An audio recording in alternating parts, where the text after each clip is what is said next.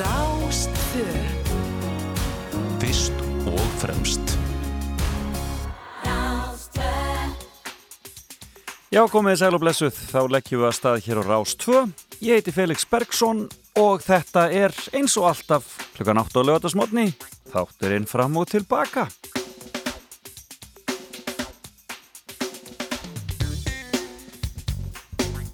Já, í dag er 21. november, það líður að jólum.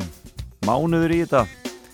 Allir komnir að staði í jólagjafinnar og það er ótrúlega skemmtilegt að já, skuttlast í bæinn eða skuttlast í einhverja góða vestunum við stöð og, og ná í það sem þarf eða bara vestla þetta svolítið á netinu. Það eru margir að gera það þessa dagana. Og jafnvel bara að búa til jólagjafinar, maður heyri mikið af því líka fólk er bara heima að prjóna og, og, og skapa jólagjafir þessa árs. Ég held að vettlingar verði ægilega vinsal gjöf í ár. Einhvern tíma var það iPad, nú er það vettlingar. Um, en á þessum degi var, gerðist ímislegt í gegnum tíðina. E, fyrsta símaskráin í heiminum kom út e, árið 1878 í New Haven í Connecticut 50 notendur voru, nota, voru í þessari skráðir þessa símaskrá. Og nú er bara spurning hvort að ungt fólk í dag veiti við leitt hvað símaskrá er. Jú, kannski í símanum en í bókarformi valla Nei. en þetta var sem sagt 1878 sem þú fyrsta kom út. Fyrsta leikrit í ríkistóttmannaflutt á þessum degi árið 1931 það voru þættur úr bóndunum á hraun eftir Jóhann Sigurjónsson Magnað. Og e, e, það er alltaf 90 ára aðmæli ríkisútasins í ár þannig að þetta er bara, já það eru 89 ár síðan þetta var. Landsambat Framsóna Kvenna var stopnað á þessum degi árið 1981 og svo var kvikmyndin Love Actually frumsýnd á þessum degi árið 2003 það var nú alltilis svakalög smellur. En uh, gestið mín í dag er ekki að vera endanum, hún kemur hér eftir nýju, hún Elisabeth Reynisdóttir, Beta Reynis, næringafræðingur, hún var að senda frá sér, um, ég bara æfisögu sína hreinlega, svo týnist hjartaslóð. Og um, það er valgir skakfélsum skráur og við ætlum að ræða þetta hérna aðeins á eftir, uh, svona, uh, hvernig, hvað er reykur fólk til þess að, að opna hjarta sitt svo ótrúlega eins og Beta gerir í þessari flottu bók þroskasagana segir hún. Þannig að það verður aðtilsvært að heyra. Og svo eh, er það fimmann Jóhanna Vítis Arnardóttir er að koma sér fyrir og ætlar að vera hérna hjá mér eftir með fimmuna sína sem eru fimm píanistar. Ákala spennandi. En þetta er auðvitað hún Hansa. Þannig að það verður Hansa og Beta sem verða gestir mínir í dag. Og svo er það fréttageturinn hér á eftir. Og uh, það eru krakkarnir í getubetuliði tækniskólan sem hjálpuði mér að koma þeirri fréttageturinn saman ásand Árna Frey Magnúsinni þannig að um, það verður gaman að heyra þá fyrir þetta getum og hvernig ykkur áttur gangi því og velunin ekki að verri endanum. Það er gjafabref í Krauma. Við deildatungu hver í uh, Borgafyrði, það er frábært staður. En nóðum það við skulum skell okkur í að heyra lagdagsins og um, já, þetta er mjög skemmtileg saga hér sem verður sögð. Þetta er hljónstinn 1860 og lag sem heitir Snæfellsnes en hvernig ósköpun kom þetta til? Við erum hljómsveitin 1860 ég heiti Hlinur og söngur í settinni uh, Páskan á síðast ári þá vorum við nokkrir félagar uppi á Snæfellsjökul á, uh, á snjóbrytum og við fórum uh, upp á jökulinn sjálfan á Wagon sem að móður mín á. Og þar hefðu við fengið þessi bílun á láni þar sem hann var sá eini sem við vissum um sem við gáttum rettað með fjörhjóladrifi og eh, sem, sem með eða án fjórhjóladrifs þá er alveg óhægt að segja það að Mitsubishi Spacewagon er ekki bíl sem er hannaður til þess að fara íslenskar jöklaferðir. En leiðin upp á jökul var svo sem ekkert mál en eftir að hafa verið á jöklinum í einhverja tíu tíma þá komið það því að fara til baka og eh, það voru einhverju snjósleða gæjar búin að eiðilegja slóðan niður af jökli. Og þar sem við vorum bara með hérna, fjóru skóplir í bílnum hafist handa við að grafa nýjan veg í kringum slóðan sem hafi verið eðilaður og eftir að já, eftir fjóra tíma að því að grafa bara eins og vittlusum menn í skýta kulda á myrkri þá náðum við loksins að drösla bílinum afturinn á vegslóðan og þá var grátið af gleði og tekið fullkomlega óæft hópknús. Og lægið Snæfellsnes fjallar um þetta sem sé. Sen kemur langt þráð frí. Verð okkar fjöra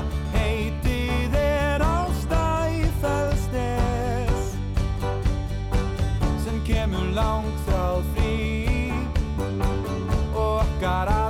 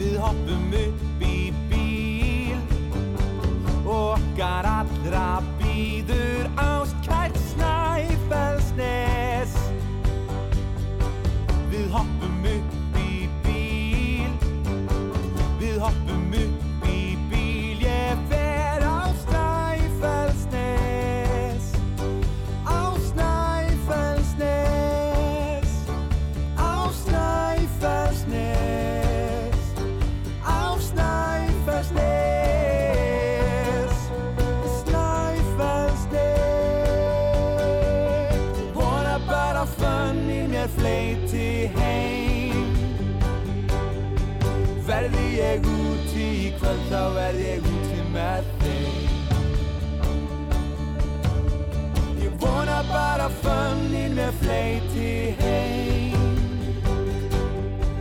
Verði ég úti í kvöld þá verði ég úti með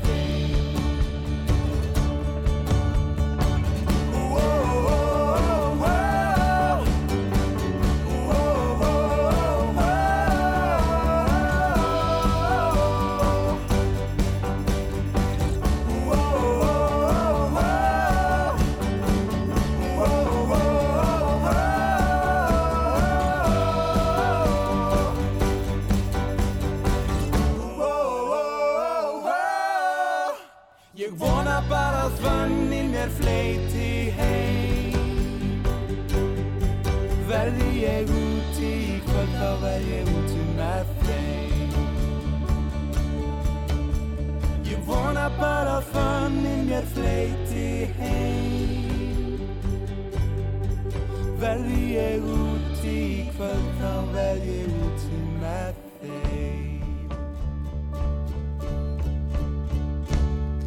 Frábært band 1860 og þetta var Snæfellsnes. Þetta er úr safni Ríkisútarsins. Við eigum fullt af þessu sem sögum á bakvið lægið og þetta verða lögdagsinn svona, já, eitthvað með ykkursti fram eftir hjá mér. Svo byrjum við örugli í jólalögunum hér í desember. Er það ekki? Þurfum að fara að rífa aðeins upp stemninguna, jólastemningu í þessu. Það er ekki nema mánuður í þetta. Heyrðu það er bara að fer að líða því að Hansa settist hérna hjá mér og við ætlum að ræða fimmuna hennar en eh, við skulum byrja því að heyra í já, píjánuleikara sem okkur þykir báðum mjög væntum og að vísu held ég hans ég að spila hér á Úgúrlele frekar en nokkuð annað. Við sildum yfir hafið í leitað betri stað. Og steikti upp á skeru og settumst hérna Við fundumst nýr í fjöru og kveiktum þar upp á. Sungum okkar söngvar og drukkum landsins skál. Við sáum ekki stormin Það hefði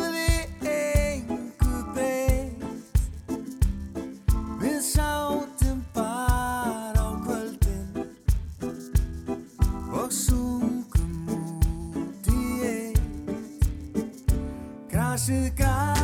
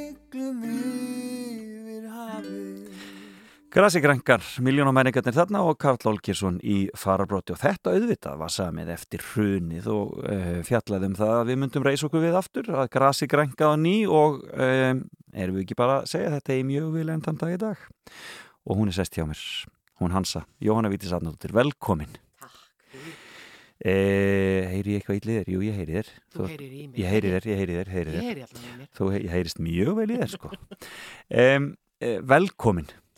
Hvernig er að, að vakna á lögutagsmotni? Ertu lögutagsmanneskja? Já, ég er það nú reyndar alveg. Mér finnst- ég elska að vera, ég, þá er ég nú yfirleitt á náttfutunum samt til háttegis. Já, En ég er alveg vöknuð, sko. já, akkurat Ég er svona miðaldra. Já, akkurat, þú ert komin, þú ert vöknu svona um áttaleitið Já, ég er alveg veist. Þannig að, Það er mjög gott ef ég mér tekst að sofa til áttar, sko. akkurat En þú býr hérna nálægt, bara í hlýðunum Já, já.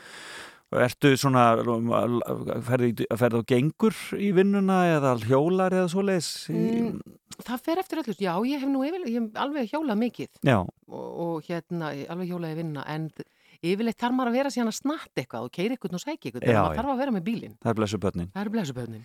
Það er nú svoleiðis En sko, því ég á að kynna þig, ég var að hugsa þetta Þetta er náttúrulega orðið algjört tjók, sko Þú, þú veist, þú ert náttúrulega rödd rúf Já. Þú ert náttúrulega leikkonan og söngkonan sem að sló í gegn, eh, slæri í gegn alltaf þú kemur fram og bara síðast í heima með Helga en síðast helgi, bara dásamleg og hérna og uh, svo ertu náttúrulega píanisti sem að kannski f- m- fullt af fólki veit ekki Mm. Og svo ertu hérna framkvæmdastjóri mentamála hjá samtökum viðnaðarins Já, eða ég er verkefnastjóri. verkefnastjóra Já, mentamála og, þarna, og, og byrtist sem slík í kveik í vikunni Mhm. þetta er hann sem margir hattar hansa Já, og skemmtilegt. Já, Ég er náttúrulega í tvíburmerkinu og það er gaman að hafa og ge, er þetta ekkert mála að splitta fókusnum núna bara að fara Nei, veistu það, í grunninn er þetta allt eins. Já, Þetta er bara, maður bara, hérna, fær verkefni já, og reynir að vinna þau vel. Já það er bara svo leis Það er bara þannig. bara að vera almennlegur Já, Já, eins og, eins og breska konusfjölskyndan bara segir, það er bara hérna get on with it já, nákvæmlega. Jésús minn. Ég ætla að reyna að treyna þetta að horfa á þetta en ég er búin að taka þetta í einum rík. Já, algjörlega Allir þar Heyrðu, þetta er skemmtilegt og það var gaman einmitt að sjá því í kveiki vikunni að ræða þessi málefni Ég og er gaman að fara til helga. Já, og, hérna, og svo í helg Já, Já, þið fyrir ekki, já. og í Ég var líka gaman í kveik. Já, akkurat, þannig að þetta er, þetta er, þetta er svona, þetta eru sína ýmsir hattar Já, Þess að segja það, þú ert að þú er náttúrulega runni fyrst og fremst í borgarleikusinu og svo hérna hér samtökum minna er þetta ekki bara inn í borgartúni eða jú? Já. þetta er bara í húsi aðtunulífsins þar. Já, Þannig að þetta er ekki langur, þetta er ekki stór radíus hjá þér, það, að því er Nei, til. nei, þetta er allt svona búið þægilegt. Já. Gæti farið allt á hjóli, sko. Já. En áttur ekki inn í þjóðleikus í ár? Uh, nei, Nei, það var ekki. Nei, það nei. bara vitlis í mér. það er vitlis ég. Já, Ég var hins vegar í þjóðleikusinu aðeins hjá henni Selmi-vinkunu hérna í fyrra í Shakespeare Í Shakespeare verður ástfangin. og það var svona aðeins fram á held ég í janúar eða eitthvað. Einmitt, Já, einmitt. já. Þannig var það, ég er að ruglaði saman. Yes. Heyrðu, en hvað er það? Fimma þín. Ég hugsaði að þú hefði getað komið með hvað sem er, söngleiki og þú hefði getað komið með bara söngleiki hlutverkinn þín og ég veit ekki hvað, hvað, nei, þú velur píanista.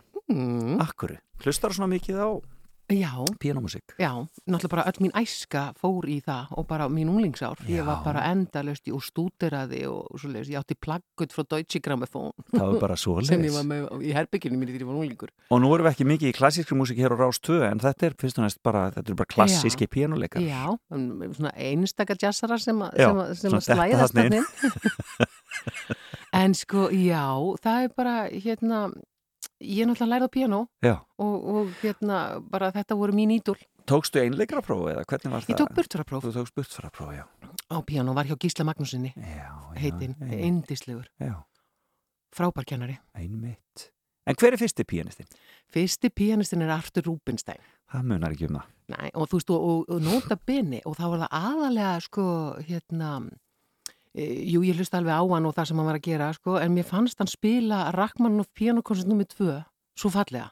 Og hvað ertu guðamál þegar þú ert að uppkvöta þetta? Þetta er ég auðvitað bara, jú, það- hann er rauninni ástæðan fyrir því bara fyrir að læra piano. Það er bara Hef áhuga á því. Já, Pappi var alltaf að hlusta á þetta já, þegar ég var lítil. Uh, við bara, ég var 6 ára, 7 ára, eitthvað sliðis. Byrjaði að læra áttara þannig að ég, já, það var eitthvað rétt fyrir það. Og þarna, og, og þannig að þið hlustuðu á þetta saman þá? Já, já, og pappi var bara ofta að hlusta á þetta og svo bara, var þetta bara einhvern veginn á, þetta var svona í bakgrunni. Hann er, Artur Rubinstein er, er Amerikanið ekki? Nei, hann var, rúsi, Hann var rússi, já. flúði held ég, Já, minni mig. já, til alveg. Já, Ein, einn af þessum uh, brjálæsla talenteruðu gýðingum sem að Já, að, nákvæmlega. Auðguðu listalífið mm, á 20. stöldinni Mhm. um, en þú elst upp í Garðabænum og það er bara, það er bara þér að hlusta á þessa músík, þú og pappiðin. Örn Klásen já, þarna uh, var hann var, var hann svona lista uh, lista uh, í, í fjölskyldinni sem að Svolítið, dró, já. dró, dró ykkur inn í það svolítið já, þú veist ekki það þau og mamma og pappi hlustuðu bæði mikið á tónlist, sko. þau mikla, voru mikla menningar ætur að það ekki, svona, fó- fóru mikið menningarveipur Jú, þau fóru tónleika og leikhús og svona eins og, eins og menn gerðu og, og myndlistarsýningar. Hauku Klásin, hérna Týpur og bröðu pappa, hann var náttúrulega myndlistamæðurinn í fjölskyldinni svolítið. Já, Og hérna, jú, jú, þeir voru það. Og mamma var svona í þessu fransk, fransku söngkonunum og franska chanson. akkurat Það var mamma. Já, hún kynnti það fyrir manni Já. og pappi var í hinnu. Pappi var í óperunum og, og klassíkinni og jazzinum. þessi Sko. stóra öllu saman Já, já. stór maður Já, og fór mikið fyrir í, í, í, í samfélagsumræðinu og því öllu saman Algjörlega. e, og þannig að það, er- þetta er það sem reykur það stað í píano að, að fara að læra á píano Já, og hvar, og hvar byrjar þá? Ég byrjaði í tónlistaskólanum í Garðabæ. Mm sem var góður þá á þeim tíma? sem var, já, hann var bara svona uh, sko upplifin hjá mér ég, bara ef ég segi þetta samt, þá er eins og ég sé ancient, Já, það er sko ég, þú, við, erum, við erum engin unglum lengur nei, góð. við erum það ekki að það var sko, að þetta hefði bara verið rétt að byrja hérna. Vist, jú, ég veit að Óli bróði var aðeins að læra hérna í þessum skóla áður Já. en hérna, hann er alltaf bara fimm árum eldri ég Já. og hérna að það er sko, að þetta var í skátaheimilinu bara, það var eitthvað svona hús bara Já. og þú veist, já upplifin er þetta hafi bara verið rétt að byrja svona. En e, ég byrjaði semst þar og hjá Gísla, Já, Gísli tók mig strax og það örglega bara gerði það verkum að ég var bara heldtekin af þessu, af því Já, hann var svo frábær kennari og hann ítt alltaf að manni ykkur sem var aðeins og flóki fyrir mann og Já. að því, að, að því maður hafði svo mikið, að því ég elskaði svo tónlistina. Einmitt. Og nefndi kannski ekki að vera í ykkur svona leiðinda ykkur um barnaæfingum. Nei, nei. Það var ekkert svo leis Nei, þannig að hann ítti að manni svona einhverju erfiðu og, og, og hafði trú á manni og það fannst mér svo gaman. Og kannski líka bara hafði trú á því að börn gætu meira heldur en var stundu gefið. Já, gefin möguleik á. Já, allavega hann sá ekki hérna, neitt að því að, að, að henda ykkur í mann og Já. sjá hvað gerðist. og byrjar þá að spila svona, varstu, varstu spilandi heima Já, já. alltaf að leifa öllum að heyra Já, já, svolítið, svolítið. Já. Já, já. já, já, já. voru sískinin ána með litli sýstur Mm, sko í minningunni hafa þau ekkit, voru þau ekkit eitthvað ægi hættu sig eða neitt svo leiðis. Nei, þannig að það var bara ég hef náttúrulega spilað svo vel, Felix. Það var að þeir það hafa sem náttúrulega var. bara notið þess. heyrðu, hver er næsti píanisti? Jevgeni, Jevgeni Kissin Já, Kissin. Hann kom hérna á listaháttíð Já. og spilaði og ég satt á fremsta bekk og Já. mér fannst hann geggjaður. Og náttúrulega hann var undrabann og hérna og bara ég dýrka allt með honum, hlusta á allt með honum, alveg sama hvað það er. hvenar kemur hann lista á því, mannstu hvenar það ég man ekki hvenar, ég, það, það er samt ekkit, þú veist, ég minn ég var alveg fullorinn sko þegar það já, var, já, þú veist, ég er ekki takkit alveg í röð. nei, akkurat Uh, það var alveg, uh, eitthvað, ég var komin yfir tvítugt, held ég, þannig þegar hann kom. já, akkurat Já, já, þannig að það er eitthvað tíman á nýjunda áratökum eða, nýjunda, já, já, já. já. Uh, ertu svona tíman sem fær, færði í nýjan af, af flottum píanuleikurum Soldið. Þetta var fyndið. Fylgist vel með þegar þeir eru að Já, spila. Ég já, já. ertu að pæla þá í tækninni og svoleiðis? Já, bæði sko, hérna, Og hvernig fólk ber sig? já, kissin er náttúrulega, þú veist, hann var undrabatn og Já. þú veist, kannski, mm, svo er eitt pínlisti sem ég fílaði líka sem var Horowitz, Já. sem er nú ekki á listan. Það er svo Nei. margir sem hefði getað verið á þessum lista, að það halva Akkurat. verið nóg. Já. En hann var sko, það, var, það sem var skemmtilegt við Horowitz var það að hann tók svo mikla sensa og bara hann var svo í, í músikinni og sko, var svolítið maskulinn hvernig hann spilaði Já. og það komið fullt af feilnótum og svona með en það Einmitt. kom ekki að sög. Hjá Kissin er þetta svolítið þannig að hann tekur alla þessa sensa og svona en það kom ekki feilnótum þar, Nei, akkurat. því hann er svo mikið undrabann og náttúrulega öruglega á ykkur rófi sko. Já. Ég held að, hann var náttúrulega undrabann og mammans ferðast alltaf með honum um heiminn þannig að svona lengi vel Já, fram á fullónis ár. Já, þannig já. En var, það voru trillti tónleikar ég man að maður var bara í trans. Og þetta hefur þá náttúrulega bara verið inn í háskóla bíó? þetta var í háskóla bíó, já, Um, ertu sjálf farin að, að þarna performera svolítið eða þú veist að spila sjálf á píanóið svona ofinbellega? Nei, ekki, nei, get ég nú sagt það, en Nei. það finnar því ég lærði svona, þú veist, ég lærði ekkit eftir eir, eða, veist, ég get ekkit mikið spila eftir eirani, ég verða, þú veist, hafa nótur og Já, svona einmitt. og hérna uh, ef að bara í þessari klassík, sko en svo er yngri sonum minn farin að læra í FIH á piano Já, hjá hann um Inga Bjarna, Já. Og hérna, og þá er ég svona aðeins að, hvað sér, leið mér að sjá þetta. Og þá er hann að spila svona bara alls konar skemmtileg lög. Ekki þú veist að læra svona klassísnám heldur bara, þú veist, jazznám og Já, læra jazznám og þetta og hljóma og, já, læra flæði einhvern veginn yfir hljómborðið bara. já, já, og Guðni Frans að kenna hann tónfræð og svona, Á, vá. þetta er bara þetta er alveg fullonins og hérna Óskarsvelun á leðinni. Óskarsvelun á leiðinni og, og hérna og þá er ég aðeins farin að svona æfa mig í því að reyna að spila svona svolítið eftir hljómunum og, En og svona, já, skemmtilegt. En hefur aldrei gert það eins og í leikúsin og svo leiðis sko Nei. þegar þú hefur verið í þessum söngleikjum og svona þegar þú ert að undirbúa? er Jú, þú- ég minni ég spila, jú, jú, jú, fyrir mig alltaf þegar ég er að læra og svona jú, jú, læra Ég get alltaf eftir nótum og svona fyrir En þá bara eftir nótum sem sagt, já. Já, þú veist, mér finnst þú að þægilegt að geta bara að lesa þetta beint af blaðinu en svo náttúrulega er það þannig að maður þekkir þetta yfirleitt það er ekki eins og þetta sé frumsamið mikið af þessu, er þú veist, þannig að maður heyrir þetta alveg sko, þú veist, maður, maður eru þekkt þetta í mörg ár, kannski sum, sum þessi söngleiki sem maður er að gera Akkurat. Þannig að það, þetta er bara að sækja hljómana kannski og, og, og, og vinna út frá því. En um, af hverju snýrðu baki við píanónu og, og, og ferða staðinn í leikúsið? Um, Ég, hérna svona, ég tók náttúrulega burtarprófið þannig þegar ég var tvítu og ég, Frá, frá tónskólanum í Garðabæ? Já. eitthvað, já. og ég, sko Og þá var bara spurningum hvort þú vildi fara í tónskólanum Reykjavík hvað eða... Já, eða- og halda áfram í þessu eða ekki. Já. Og ég vissi alveg fljót, fljótlega að ég myndi ekki vilja hafa, gera þetta kannski alveg að æfistarfi að vera pianisti. Ég skil. Um, mér fannst það svolítið einmannalegt. Mm Uh, maður er svolítið mikið einn. Já. Það eru náttúrulega ekki að vera það. Fólk getur alveg verið pianist og verið endalist einan um allt fólk. En, Já, en, en eins og ég hafði verið að setja þetta upp og eins og ég hafði lært þá var það svolítið einmanna. Ah. Og satt einn, einn heima kannski og æðis í þrjá fjóru tíma. Já, það er náttúrulega gríðarlega mikla ræðingar sem þurfa Mm. að eiga sér stað og þá í einveru í rauninni. Mm. Þarna, Og þetta verið farin að hafa áhuga svolítið á söngnum, svona að gera eitthvað meira með það. akkurat, og þannig að þú hafðir alltaf, já, þannig að það að fara í leiklistanám var í rauninni líka til þess að finna leið fyrir söngin kannski. Já, já, alveg eins að því ég náttúrulega uh, kláraði burtaraprófi í söngnum líka áðunni fór inn í leikliskólan. Já. Ég er svo sein að fara inn í leikliskólan. Já, Svo lengi að uppgöta hvað ég vildi verða. Og þá- þú tekur söngin þá líka hjá, í Garðabænum? eða Já, hvað? tók það hjá Snæbjörgu, Snæbjarnar, Já, já. ó, sem hann var dásamleg. En Hún er líka farin, Já, en hún var, hún var æði. Hún var, það var nú bara eins og að vera með eitthvað lífstílsþjálfara að vera með hana sem söngkennara. Hún var frábær. vera með lífstíðsjálfur, það er snill. Mhm, Bara svona your, your own personal Mhm, lífstíðsjálfur bara alla daga. mhm. Það er hæðislegt. Heyrðuð, einn í viðbót áður en við tökum smá pásu. Art Tatum. Art. Það var Þetta náttúrulega... hljómar mjög amerísnafn. Já, hann var það. Og þannig að þetta er jazzari, jazzpianisti. Þetta er jazzpianist. Já, sem að var bara, en sko er algjörlega á pari við þá allra bestu sko. Já.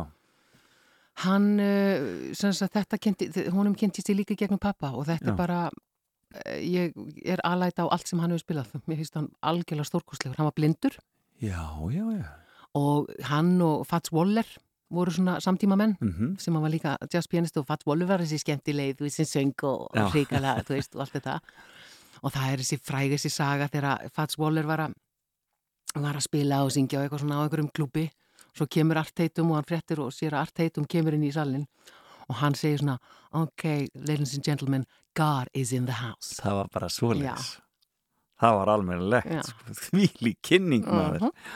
það hefur mikil virðing þarna á milli Já, og sástu hann eitthvað tíðan? Art nei, nei, nei, nei, nei. löngu fyrir löngu okkar fyrir okkar tíð bara, þú veist, bara hlusta endalust á plötunar og maður náttúrulega, já elskar Spotify, að geta endalust bara flett öll upp og öllu uh, gamla dótinu Já, ég ætlaði með það að spyrja, þú ert ekki svona plötumanniski, þú ert ekki mjög gamla plötu uh, safnið. Nei, nei, nei það er sko hérna uh, maður þyrfti nú að verða sér út um hérna blöðspilara Já. geta mitt, hlusta á ABBA og sænsku og svona Akkúrat. Já.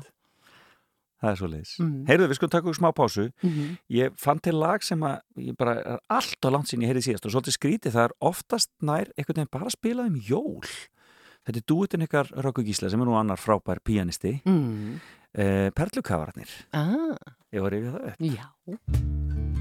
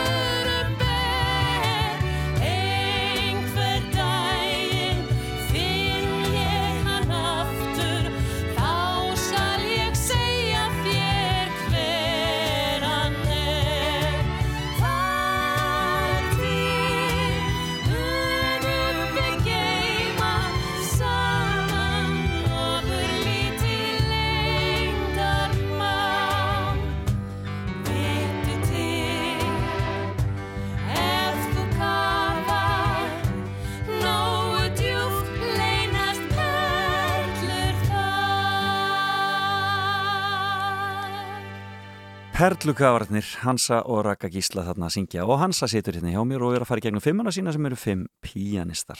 Mikið ánum gáðan að rifja þetta upp. Já, og já, Raka Gísli er náttúrulega stórkosleg já, og hún er, og hún er píanisti líka. Já, hennar, já, það er hennar, það er hennar, hennar hljóðfæri. Algjörlega. Bara allsærja tónlistamanniskja já, já, svona náttúrulega notar hún líka mann líka í Já, búkslettinu fyrir þetta það fyrir Um það, Heyrðu, við erum búin með þrjá píanista Artur Rubinstein, Yevgeni Kissin Art Tatum og það er komið að uh, konu mm. Marta Marha eða Ja, Marta, Marta- Marta, Marta. Argeri Hver Já. er Marta Argerir? Marta Argen ekki pianisti og hérna, mér fannst ég ekki geta bara verið með einhver listi við pianista hans að vera með konu hann líka. Nei, akkurat, það, þar sem að þú ert nú sjálf píanisti og, Já, ég hef náttúrulega geta verið með steinunni Byrnu líka en ég bara, Akkurat. þú veist, já að því að hún er nú okkar, okkar Marta já, hún er frábær hún er æðisleg. Já, mm en hva- uh, segðu mér aðeins frá þessari konu. Uh, Ég var bara, mér fannst hún svo ég, ég, allt þetta ég, að- ég var svo erfitt með að segja hvað það er við hvern og eitt sem að mér finnst frábært. Það er, bara, það er bara eitthvað og þau, hérna, það er eitthvað við tónin hjá fólki, það er eitthvað við tilfinninguna mm -hmm. sem að kallar á eitthvað eh, í hjartan á mér. Veist, hjá þeim öllum, sko, pianistunum Þetta snýst um það um Þetta snýst veginn um það. um, og þá er þetta ákveðin tímabil ég var, ég var svolítið svona já, það segi orðum það þannig, það er ekki tilviljun að ég á einhverjan svon, að ég var svolítið ég get við með svolítið þrá ekki um, þannig að um, ég hlustaði kannski sko stanslust á einhvern pianista já á einhver ákveðinu akkurat, tímabili. þannig að í dag ef ég er að hlusta ef ég fer og, og, og svona heimsækið á aftur og hlusta, þá fer ég nákvæmlega á sama stað bara í tilfinningunni og ég var bara þegar ég var að hlusta þá fyrst. Já, akkurat. Og hún er eina af þeim og mér fannst hérna svo frábær hvernig hún gætt spilað suma við sem erfiðu stykkjum sko, kannski Rachmaninoff og fleira. Og hérna og sko, að því þú veist, mik mikið af þessu er þannig að maður næri, þú veist, bara, bara hvern manns hendur ná ekki alveg Ég skildi, ég skildi og ég allavega ekki helmingnum, en hún náði svo þá, hún var alltaf með lausnir og svo braut hún stundum hljómana bara ef, ef, ef, ef svo vildi til Já. að hún næði þeim ekki, þú veist, Já. með því að slá þá. Já. og það var eitthvað bara svo geggjað hjá henni. En skemmtilegt. Hún hún er, bara fær. ég, ég, hún er argentínsk. Já. Og þarna og fæðist í Búnus Æres já, hún er bara já, hún er stórkostleg. Já, akkurat. Skemmtilegt. Mhm. Þannig að við erum komið með rússa og amerikana og, og argentínu mm fólk en Mhm. ég veit að sá fymti er, er íslenskur. Já. Og það er bara, það, mér finnst það að vera tónlistamæður bara með stóru tjei, eða listamaður. Já, með stóru elli já, þá uh, hann og hans akkurat hans fólk uh, af því að hérna það, og hérna uh, hann hefur sko hann hefur sko, hvað maður að segja? Hvað er therapeutic á, á hérna íslensku? En svona græðandi Já, eða- græðandi. Já, hann hefur græðandi áhrif á mig og ég á það til að vera svolítið ör. Já. en þessi eins og, já, ok, þannig við nú reyndar ört stykki. þetta er ört stykki, Já. þetta er bak sem Bach. hann er að spila hérna þetta er vikingur heiðar af því það það. spilar þetta enginn eins og hann Þetta er næstu eins og íþrótt bara hreinlega já, og hann er bara hérna, þessi baktiskur sérstaklega sem hann er að fá all velun fyrir það ekki? hann, já, já, bara, og ég held hann gefi ekki neitt út á hans að fá velum fyrir Nei, akkurat það ég held að það sé bara svona prinsíp hjá Já, en, og hérna, hann, ég set hann á og ég bara, ég, ég hérna, næ hjartengingu og ég næ bara ró. En skemmtilegt. Og það er dásamlegt, ég er mjög oft með þetta í eyrunum. Þeir eru að vinna, þegar ég sitt við tölvun og er að vinna og þarf að einbytta mér þá, bara, Dásamlegt. þá er hann. Hann er svo léttur, þetta er svo létt þetta er svo léttur ásláttur, svo ótrúlega hann fer þetta svo já, já, fer þetta svo ótrúlega áreinslu lust Þannig að hans, þessi heimsfræð hans er engin, engin tilviljun. Engin tilviljun þetta er bara alveg spestótt sem hann hefur sem að, sem að höfðar til fólks. Já, akkurat. Þannig að þú jafnvel, þegar þú ert að vinna bara eins og inn í samtökum viðinarins, þá ertu með svona músík Jep. í eironu jafnvel. Jep. Þannig að hún yfirgefur þið aldrei tónlistin, þú ert alltaf með hann nálægt þér. Já, hún er það, hún er það. Og svo náttúrulega þegar maður er að þrýfa heima hjá sig þá er maður náttúrulega með eitthvað alveg brjálaði í hérna, þá kemur Sostakovits Já, það, já, akkurat. Hvernig tekur fjölskylda, börnin þín og svoleiðis og, og steini maður þín því þeir eru út að spila þeim, brjálaða pínatónlist þeim finnst það bara æði. Já, Já. frábært. Og Steini er alltaf að hvetja mig til að spila meira sjálf á píanói Já. hann elskar það þegar ég spila á píanói Ó, já, en dásanlegt Hann elskar það nú örgulega líka þegar þú ert að syngja og gera eitthvað jú. Þannig að það, hann, hann hvetur því öllu sem þú ert að gera. Já, svo sannlega um, en, eru, en þú sagðir að strákurinn þinn væri að minnstusti annar er komin að stað? Já, hann er að læra á píanó og mér finnst það voða gaman, hann, bara- þú veist, ég var ekkert að pressa það neitt, hann bara langaði að gera það og ég viss alveg að það myndi ekki þýð að setja hann í, í svona hefbundi klassíst nám, hann Já. myndi, hann vill bara músíkina sko Já. hann söng náttúrulega, þú veist, Billy Elliot þú veist, með breska reymin og Já. allt sko, þegar að það var sínt hér þannig að hann er mikill músíkkall sko. Þannig að hann er músíkall, kannski að feta það í fótspörin maður veit ekki Nei, akkurat Hvað með börnin? Þið eru fjögur börn, eru Já. fleiri í músík af ykkar börnin? Nei, en þú veist, hérna, nei, ekki, ekki svona læra. Nei, ekki En svona læra nei. s- minn, hérna, eldri, er sem sagt, já, okkar, okkar steina eldri, Já, því svo eigum við náttúrulega sameinlega, þú veist, svo hann frá fyrra hjónabandi og það sem eru náttúrulega búin að vera hjá okkur og, já, og eru börni mín náttúrulega líka. En eh, hann, eh, Ólafur Örn, hann sko, hérna, sá einhverfi, Já. hann eh, er mjög músikalskur og eiginlega, sko, hann er músikalskari heldur en ég. Hann er, sko, það kemur ekki feilnátt á þar, hann er með perfect pitch og, og, það er já, svoleiðis, já, hann byrja bara en hefur ekkert áhuga að læra. Hann Nei. hins vegar er til í að syngja, sko, uh, hann syngur stundum svona hljómsveitaverk. Hann hann er með þegar hann er kannski að einbetta sér og er að læra á svona, Já, þá er hann með hljómsveitaverk, sko, í, í eironum já, og hann syngur alla nótunar eða syngur allt í því perfectly, bara, já, sko akkurat. Og þá náttúrulega, en þetta er náttúrulega eitthvað sem að fólk er elst uppið og þá er með þetta bara, er Já, bara já. eitthvað sem bara, já, já, sem að uh, festist mm frábært, þetta hljóma skemmtilega hvað, en hvað er framöndan hjá Hönsu? Hvað er að fara að gerast þér? Er verður áfram hjá samtökum við aðeins? já það er bara fullt af verkefnum skemmtilegum verkefnum þar Já. Hva, hver er svona helstu verkefni í þar? Ertu í, svona, þessi, í þessum myndamálum? já, við erum með mentamálum og við erum að hérna, ná, reyna að fá fólk í, í innám Já, og starfsnám. Já, akkurat. Eh, Eins og var fjallaðum í þessum þætti eins og að fjallaðum í þættinum vegna þess að hérna, það er skortur á þessu og svo þurfum við, við þurfum náttúrulega sko, hlúa vel að, að þessu umhverfi, Já. starfsnáms umhverfinu Já. og gera kerfisbreytingar þar til þess að auðvelda fólki að, að, að ef þú ferði inn í skóla og ákveður, að- ákveður nú að skráði í húsasmíði að þú getur nú alveg örgulega klárað. Já, Þannig að við erum að hugsa um hagan nefnda þannig að þið eru bara í þessu og greinarinnar. Já, á Já. fullu, og, já, og greinanna Greinanna. Svo, svo ótrúlega viðfend svið Mjög. En þú hættir nú ekki að syngja og skemmt okkur eða Nei, nei, nei, nei. Og ég náttúrulega verð alltaf að fá útrás fyrir það. Já, Þess vegna er búið að vera svolítið erfitt í COVID-inu. já, já, hjá að- mörgum hjá mörgum. Af því að hérna, en sko, við mig góður ekki hvart að ég með við aðra, Nei, en bara af því að þetta gefur mér svo mikið. einmitt Þú náttúrulega skemmtir gríðarlega mikið eh, um helgar þegar, þegar allt er eðlilegt, er það ekki? Jú, það er alltaf eitthvað, eitthvað reytingu svona, Já. maður er að syngja hér og þar og kannski tónleikar hér og þar og, og svo er maður að veislustýra og Einmitt Fleira. allt þetta sem að, þessu fylgir Mhm. En það var, var ekki gaman að fara þarna til helga um síðustu það var helgi? rosa gaman. Já, Bara, og maður, ég var bara svona, maður var eiginlega næstu í dottinu og æfingu. sko. já, já, akkurat Já, þú dörrúlar hessun og upp. Eða þú veist, maður var svona, já, ok. She- She's Leaving Home var algjör snild. Al- algjör snild. En þarna færðu viðbröð þegar þú færði í svoleiðis eins og í það? Já, já, það er bara, bara skemmtileg viðbröð. Já, Já, fólk fylgist með Já, og veit að þessu svoleiðis. Og það er alveg ótrúlega mikið hvað fólk er að horfa á helga og Íslendingar í útlöndum og svona. bara fólk elskar svona program, bara akkurat þetta sem Akkúrat þarf þetta. á þessum tíma Já. ekki síst, Nei, svona kvöldvaka með þjóðin eiginlega, allir syngja með akkurat. Heyrðu en fimmann þín, Jóhanna Vítis Arnardóttir Hansa, Artur Mm. Rubinstein Jefgeni Kissin, Art Teitum Marta Argerich og Víkingur Heiðar Ólafsson, fimm píanistar Mm. Þetta ekki bara sáttu þetta? Jú, ég satt þetta. Já, Ég hefði getað nefnt sko svo marga, það er Já, Kjartan Vald svo það- alla, alla popparn eftir sko, Já, þú og, veist. og alla, alla sem hafa unni með í leikhúsinu Já, og já, svoleiðis Ég hefði getað haft uh, 500.000 fimmur. Já, þetta er magnað, magnað hvað er mikið af hæfileika fólki Mm. en við bara látum þessu lokið og ég bara þakka þið kærlega fyrir komuna í fram og tilbaka Takk fyrir mig.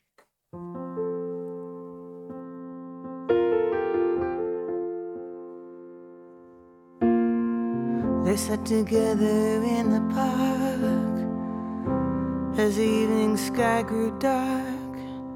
She looked at him and he felt a spark tingle to his bones. It was then he felt alone. And where she gone straight and watched out for a simple twist of fate. They walked along by the old canal, a little confused, I remember well. And stopped into a strange hotel with a neon burning bright. He felt the heat of the night like a freight train moving with a simple twist of fate. A saxophone somewhere far off played. She was walking by the arcade. His light buzzed through a beat up shade where he was waking up. She dropped a coin into the of a blind man at the gate and forgot about a simple twist of fate.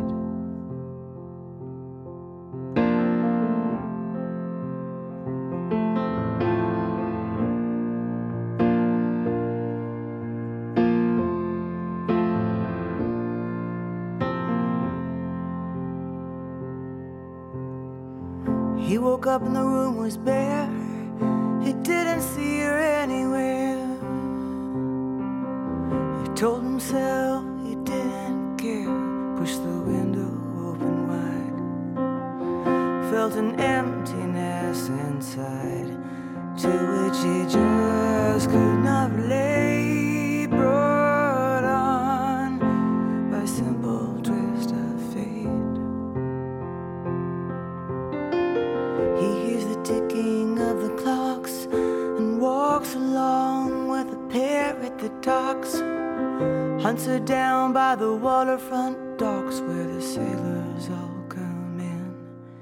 Maybe she'll pick him out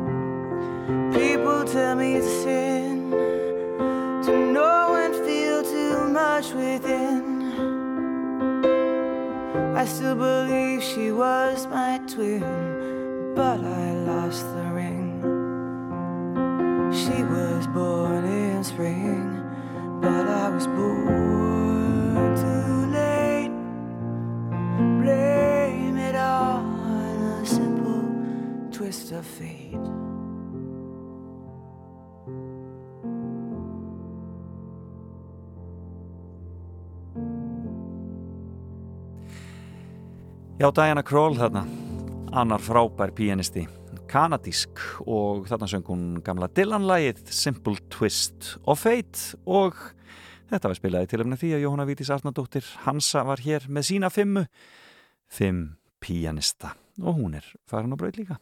Velkomin á Fætur. Fram og tilbaka á Rástfö.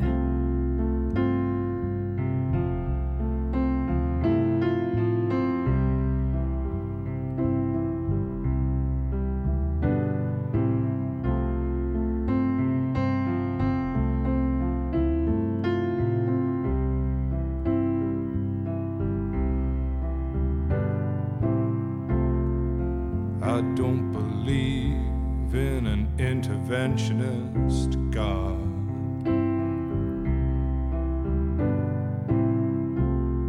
But I know, darling, that you do.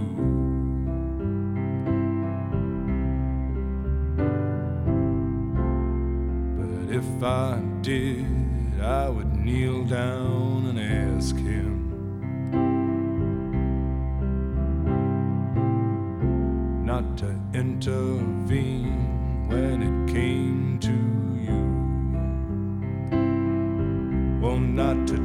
A hair in your head, leave you as you are. If he felt he had to direct you, then direct you into my arms. Into my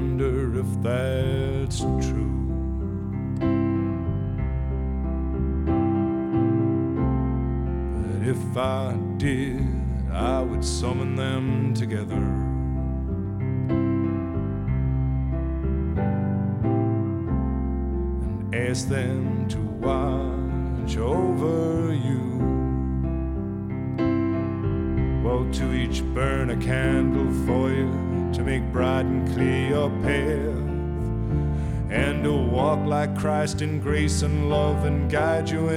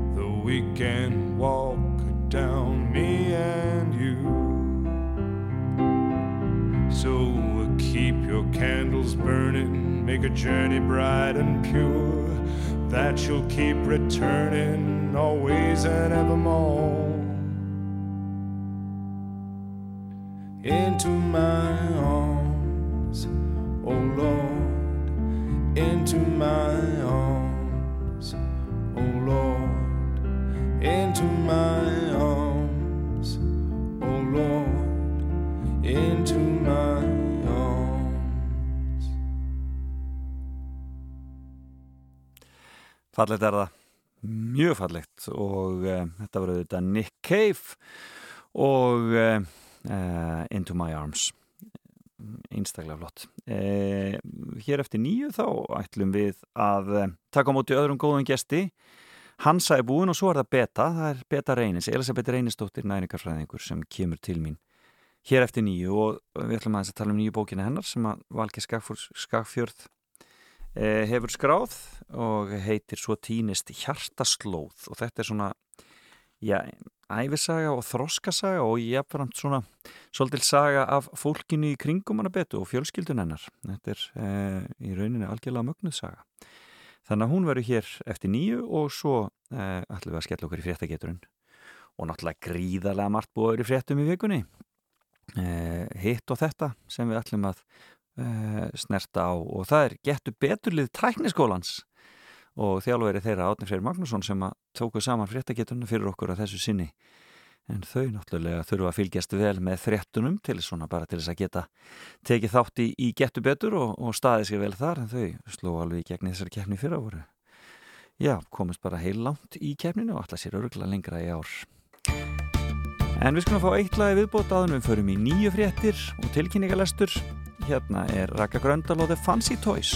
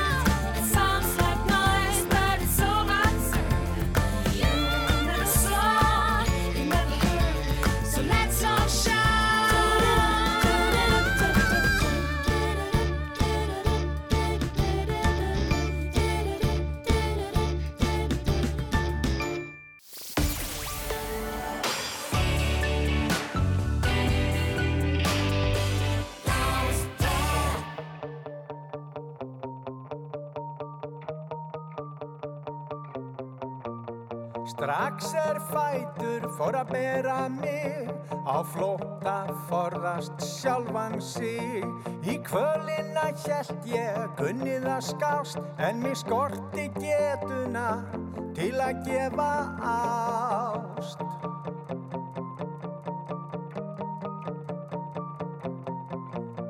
Sagt hef ég marga þó mest sjálfan mig Sjálfsagt líka svikið þig.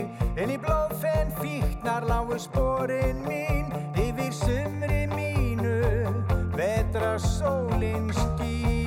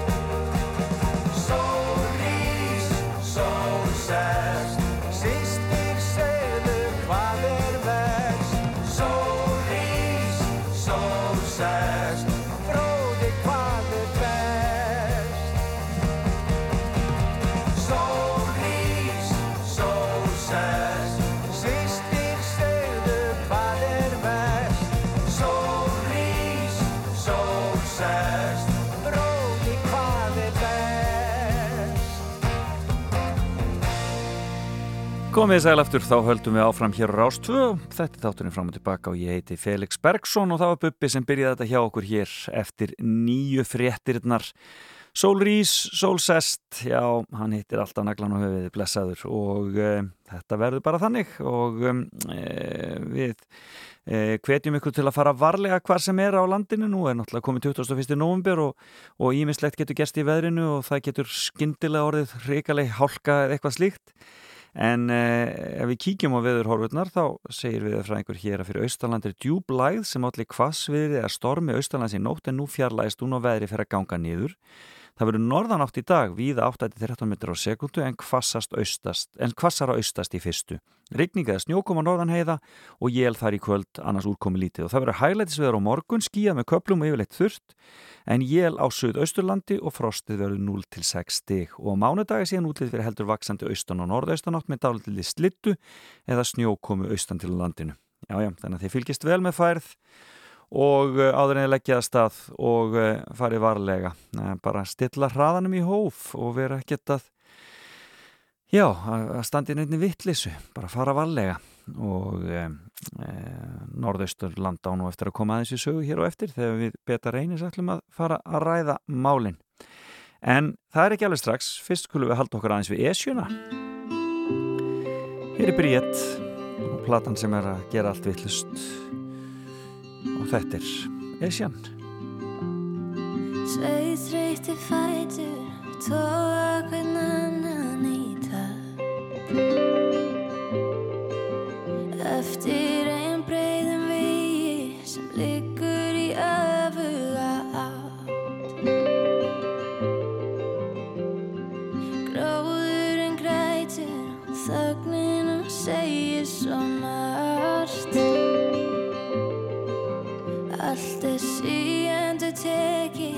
Samt er svo mikið á satt Ég sver að grasið var græna Og fjallaðan hér er ég nú Allt er svo litlust og grátt. Ég get leitað og leitað Fram að heimsand og út Og gefið allt sem ég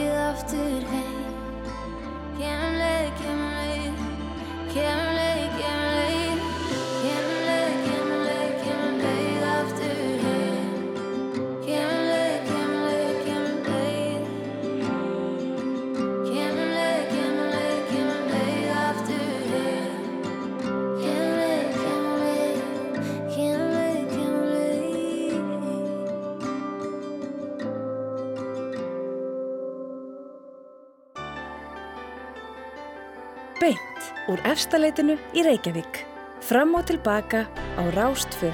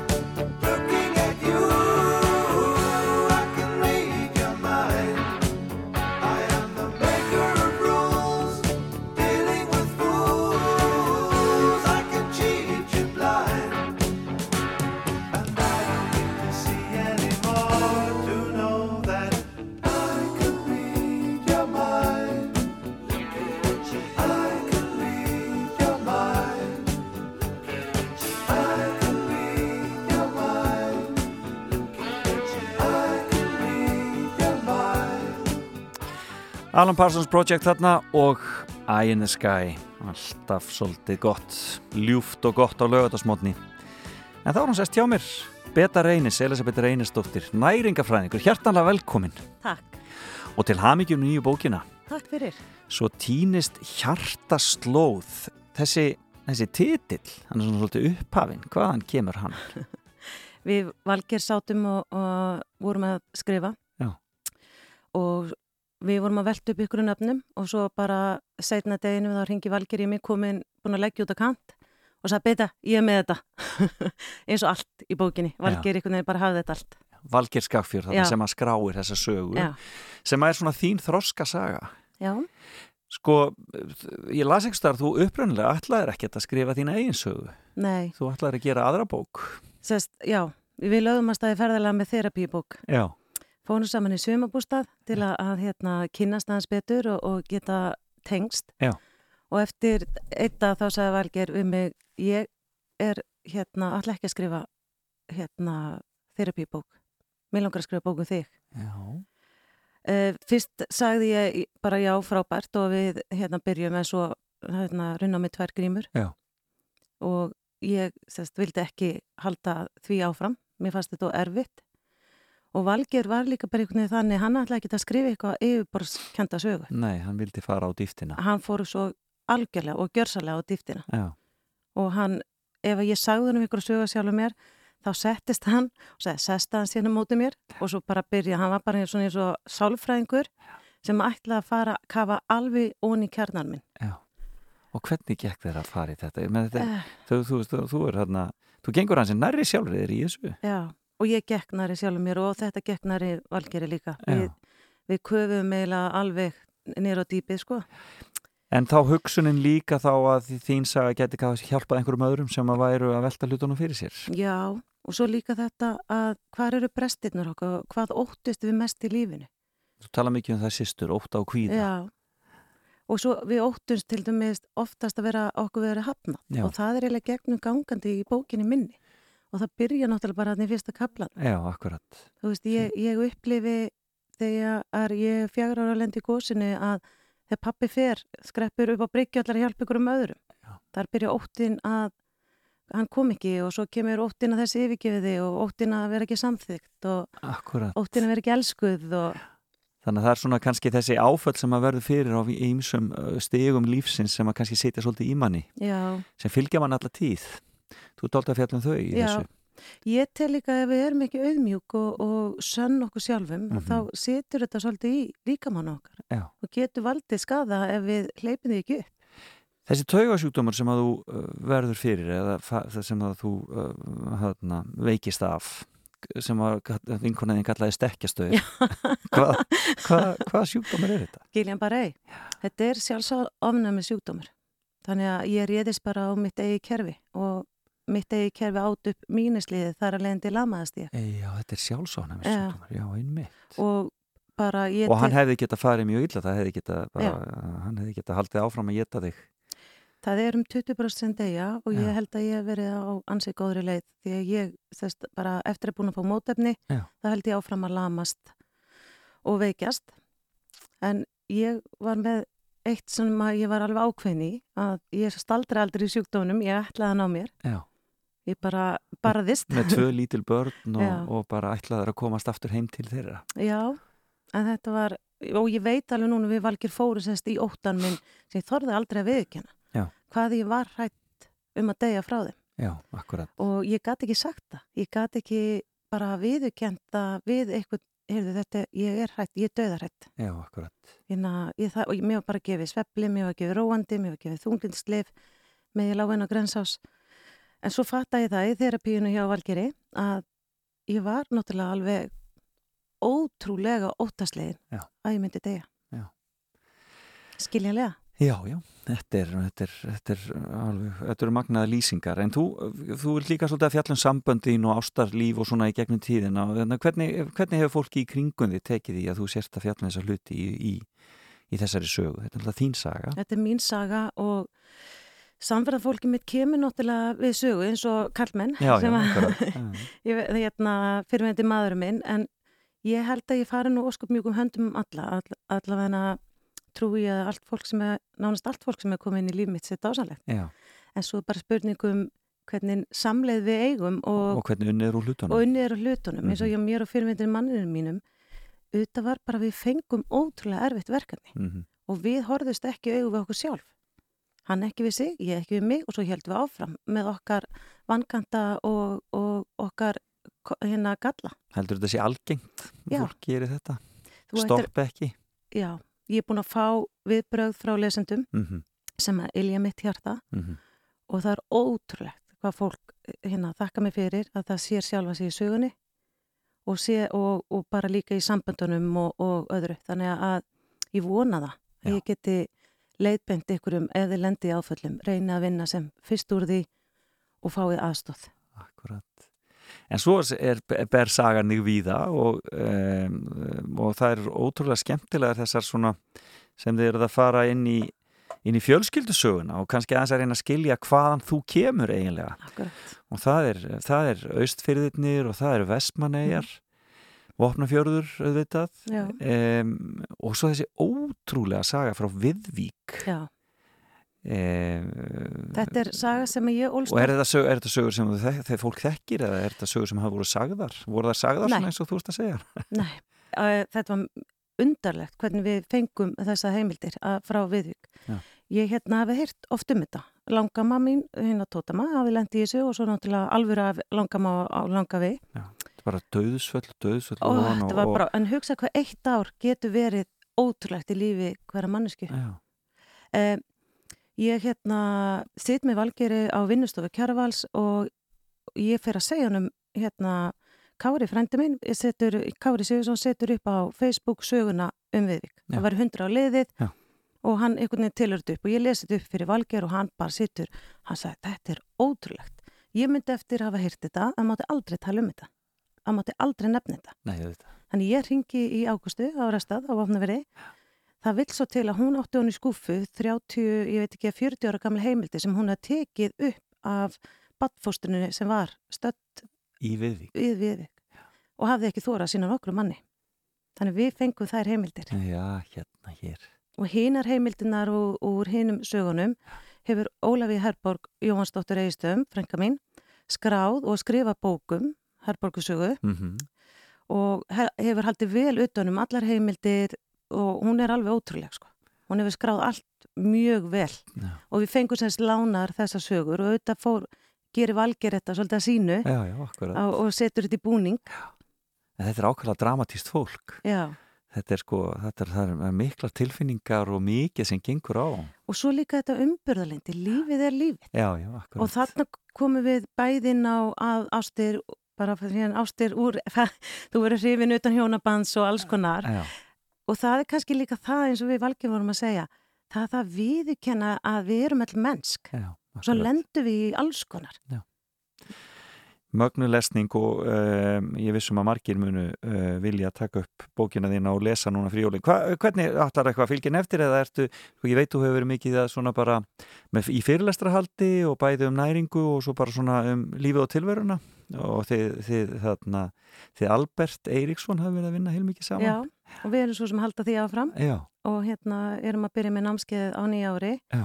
En nú er ég með valgeri. já, ok. Nú er það Valgeir. Nú er valgeri fram ára, máttu samt ykkur Albert við. Segir svo að sé ekki kallar í lífið Ég mínu. segi, þetta er bara dásenda menn, allt, allt, allt dásanlega En menn. ég þóra ekkert í hínu, sko. Nei, akkurat, akkurat. En hérna, þannig við valgeri erum að leggja drauga, við ætlum að reyna að fara að taka upp og vera hérna bara sínilega á samfélagsmiðlum. Já, nefnitt. Svo bara vonandi í desember komist við hérna upp á að lesa og að heyra valger lesa úr bókinni er bara hreitn unar. Já. Þannig ég ætla að vona að við komist í upplestur hér og þar. Rápast.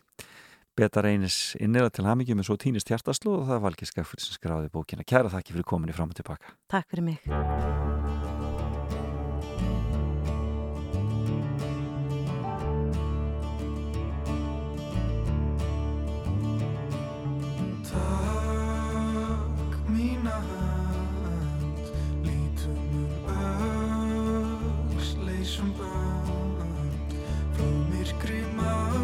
Sem draugar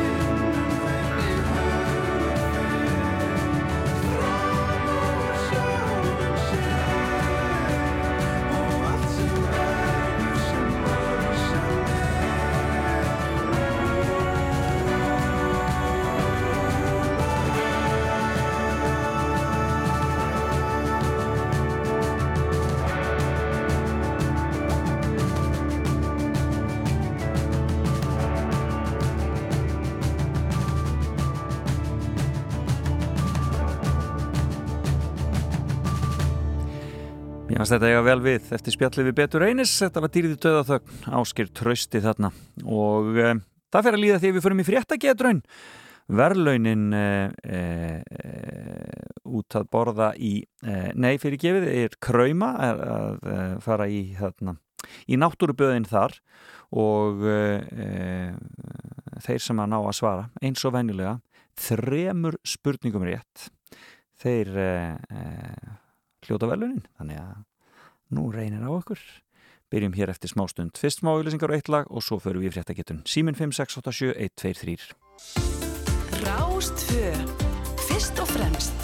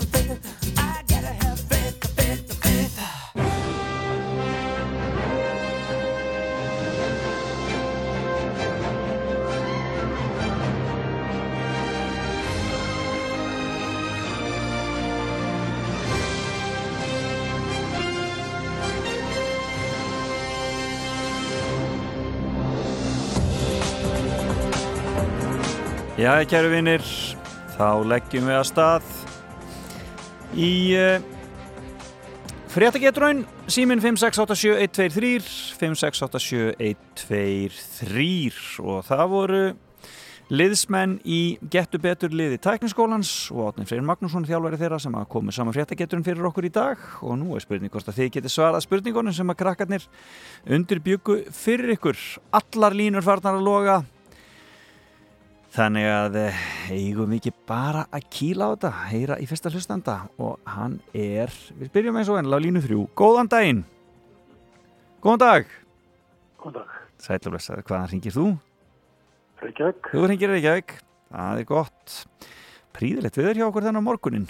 Já, mjög fallegt. Fallegt bara. Heyrðu, jájá, við skulum byrja hér. Í vikunni seldist fugg á uppbóði fyrir 260 miljónur íslenskra króna. Fugglinn ber heitið Nýja Kim, en hvaða tegund var þessi fuggl? Ég hef bara ekki hugmynd um það. Þetta var einhver fyrir fugl. Já, Heyrðu, já, þá bara verður að reyna síðar. Takk fyrir kærlega. Já, bless. Nei, hann vissi þetta ekki. Við skulum heyra næsta. Góðan dag. Þetta er engin smá uppæð fyrir eitt fugl. Góðan daginn. Þessi er ekki þarna, nei. Allir að fara bara. Góðan dag. Sætla bless. Veist þú hvaða fugl þetta var? Hvað segirðu? Páagaukur. Nei, þetta var ekki páagaukur, en þú ert heitur samt. Takk fyrir að ringja. Takk, já. Nei, það var ekki páagaukur. Veit einhver hver þetta er? Góðan daginn. Já, góðan daginn, Felix. Sætla bless. Veist þú hvaða fugl þetta var? Já, þetta var dúfa. Þetta var meira að segja, þetta var meira að segja réttin við komum fram að þetta væri kvenkinsdúfa og, og það væri svo furðulegt að fólk borðaði yfir eitthvað meira fyrir kallar. Já, en þú veist, 260 miljónir, hvað hva ætlaði að gera Þetta við brefadúfu fyrir þennan pening? þetta er alveg fálkaverð, sko. Já, en er það, Þeir eru að fara á miljón dollara, þessi fálkar hérna í Arabalundunum. já, en er það ekki bara, ég, hef bara aldrei hýrt annað eins, ég fálkin myndi nú fljótur í þetta þessa dúfu, Þetta er þetta er sem var nefnt ekki að, þú veist ekki hvað hann fætt gera þeir peningara sína. akkurat, þetta er eitthvað svo liðs. Heyrðu, þú ert komið eitt rétt, hvað er þetta að ringja? Og 104 Reykjavík. 104 Reykjavík. Já, já, já, já, þið vitið voða mikið þar, eða ekki? Jú, jú. Já, ertu að fylgjast með krán? Já, aðeins. Ég spyr, hvaða Þú- íslenska á leikur hlutverk í fyrsta þætti þáttaræðarinnar að þessu sinni? Ég, ég var að heyra þetta, ég er búin að stenglima því. Skjóttu Fyrsta á sem kemur upp í hugan Laxá, Laxá í aðaldal eða eitthvað, ekki. Nei, nei, það var ekki rétt. En takk fyrir þetta. Þú bara reynir aftur, takk fyrir að ringja Ok, Já, já. Það var ekki lags á Jæðaldal Við skulum heyra næsta, góðan daginn. Halló, Er það Hofsá? það er hárrétt hjá þér. Vel gert. Hvaðan er þú að ringja? Það er bara Reykjavík. Þú ert í Reykjavík, já, þú ert ekki að þarna. Þú ert ekki að fyrir austan Þannig að, eh, já, það var Hofsá, alveg hárrétt. Þar var, þar var eh, prins Charles að veiða Þegar hann fekk fréttinnar um, dauða þarna, vina síns. Heyrðu, þá er það næst. E, e, e, e, e, Já, í vikunni sló Harry Potter stjarnar Rupert Grint með David Attenborough á Instagram. Og ég spyr hvaða met var það sem að þessi Grint, Rúbert Grint sló á Instagram Það fljótast í ykkur að miljón fylgjendur eitthvað svo leiðis. Heyrðu, þú ert bara mjög góður í þessu. Ég hafði ekki hugmyndu þetta. Þetta er hárið rétt hjá þér. Hann hafði náði hraðametti að ná miljón, hann gett sætti hraðametti að ná miljón fylgjendum. Vel gert, þú ert komið tvö rétt. Nú er spurning hvort þú klárar þetta bara hér og nú. Um, þegar ég spyr þig, í vikunni bárust fréttir af vinsalasta líkilorðin á internetinu. Hvaða líkilorð er vinsalast? Það er þetta líkil. Skjóttu nú.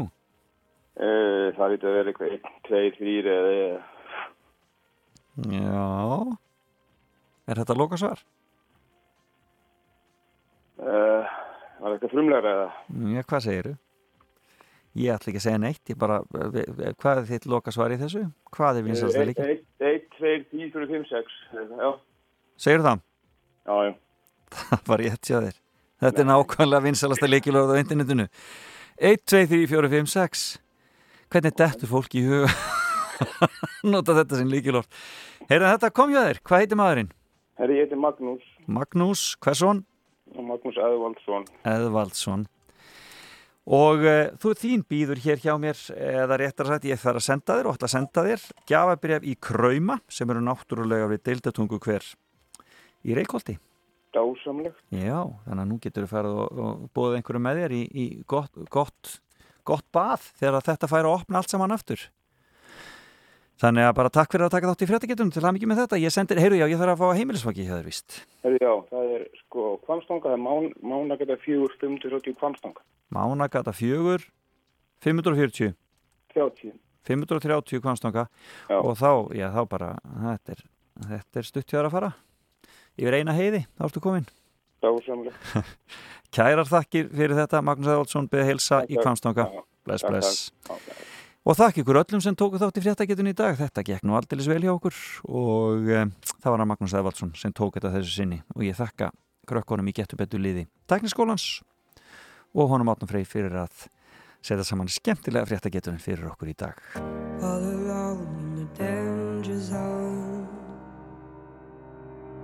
Are you ready to take my hand? All alone in the flame of doubt. Are we going to lose it all?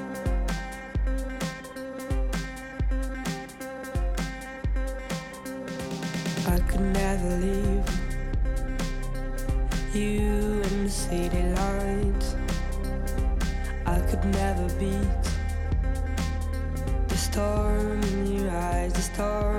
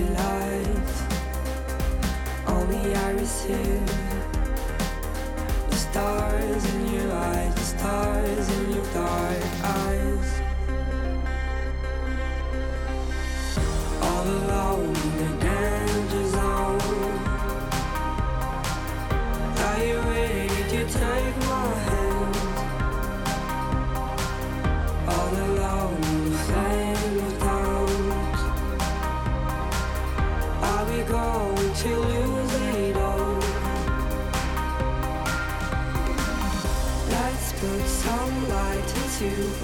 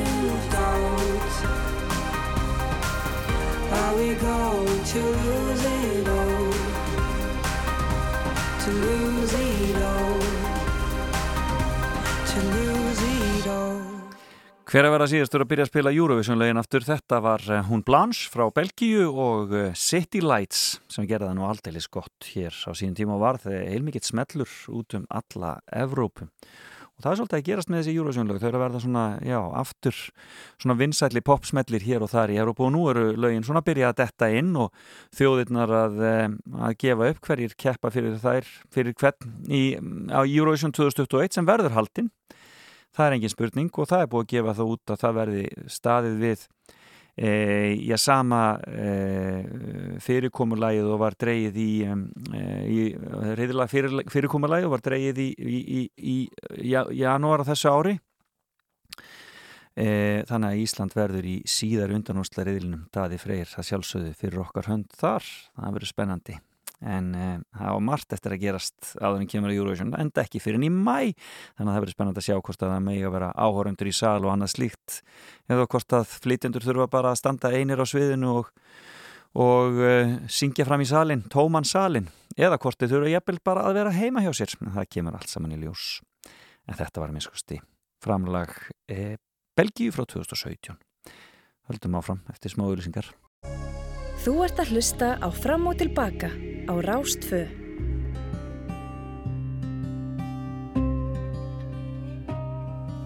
Mig langar ekki bitter eða bjór. Mér brenni vín þó slíkt ég gæti fengið. Ég er orðin eins og þvengur mjór. Og af mér tálkað bæði spik og rengið Er ég að verða vitlaus eða hvað? Ég vild að einhver gæti sagt mér það Er ég að verða vitlaus eða hvað? Og ég vild að einhver gæti sagt mér það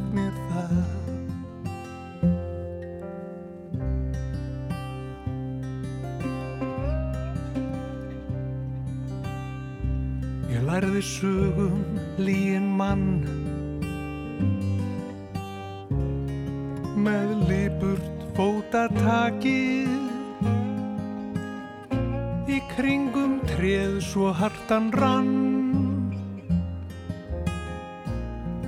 Að hann sá á sér bakið er ég að verða vitlaus eða hvað Æ, ég vild að einhver gæti sagt mér það. Er ég að verða vitlaus eða hvað? Ég vild að einhver gæti sagt mér það.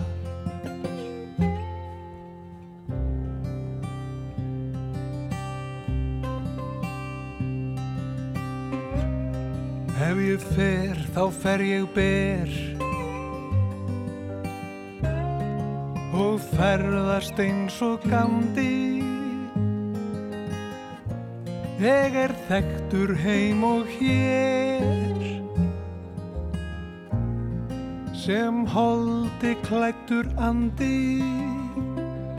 Er ég að verða vitlaus eða hvað? Ég vild að einhver gæti sagt mér það Er ég að verða vitlaus eða hvað? Mm, ég vild að einhver gæti sagt mér það Er ég að verða vitlaus eða hvað? Æ, ég vild að einhver gæti sagt mér það Er ég að verða vitlaus eða hvað? Ó, ég vild að einhver gæti sagt mér það. Ég vild að einhver gæti Ég vild að einhver gæti sagt mér það. Þetta er alveg einstaklega vel gert. Þetta eru Bakalútur auðvitað og uh, af nýju plötunni þeirra það sem þau eru að syngja uh, fleiri ljóð eftir Káinn eða Kristján, uh, Kristján Níels uh, og uh, hann var auðvitað kýmni skál til besta og, uh, og Bakalútur fer sérstaklega vel með þetta og bæði þarna á þessari nýju plötu sem heitir Hverju skilað og svo auðvitað á þessari fyrri um sólskinni í Dakota. Það að koma nú ímislegt annað við sögu líka. Mæli með þessu. En það er mikil dagskraf framöndan hjá okkur á Rás 2 eins og alltaf á laugardöfum. Hér eftir smástund komaðu Gísli Marteinn og Björg Magnúsdóttir og e, drekka sitt morgunkaffi með okkur og e, rappa við okkur um lífið og tilverun á heima og geima. E, Alli Már kemur síðan eftir háttegið. Ég alli það ekki. E, e, við geymum heila hristinga aðeins e, svona meðan ástandið er að ganga yfir allt saman en allir mun pottið taka við óskalugum ykkar í sínum þætti og svo er það vinsallega litur ás að töða það er Lófísa Rutt sem verður þar á sínum stað og svo þetta nættvaktin sem að hefst í kvöld klukkan nýju og það eru þau Heiða Eiríks og Ingi Þór Ingibergsson sem að skiptast á að vera þar og það er alltaf sífinsælt hér á Rástvö. En meiri músik, Pink er næst, þetta er nú gammalt og gott. Bara öskur syngja með, er það ekki? We are searchlights we can see in the dark. We are rockets pointed up at the stars. We are billions of beautiful hearts. And you sold us down too far. What about us?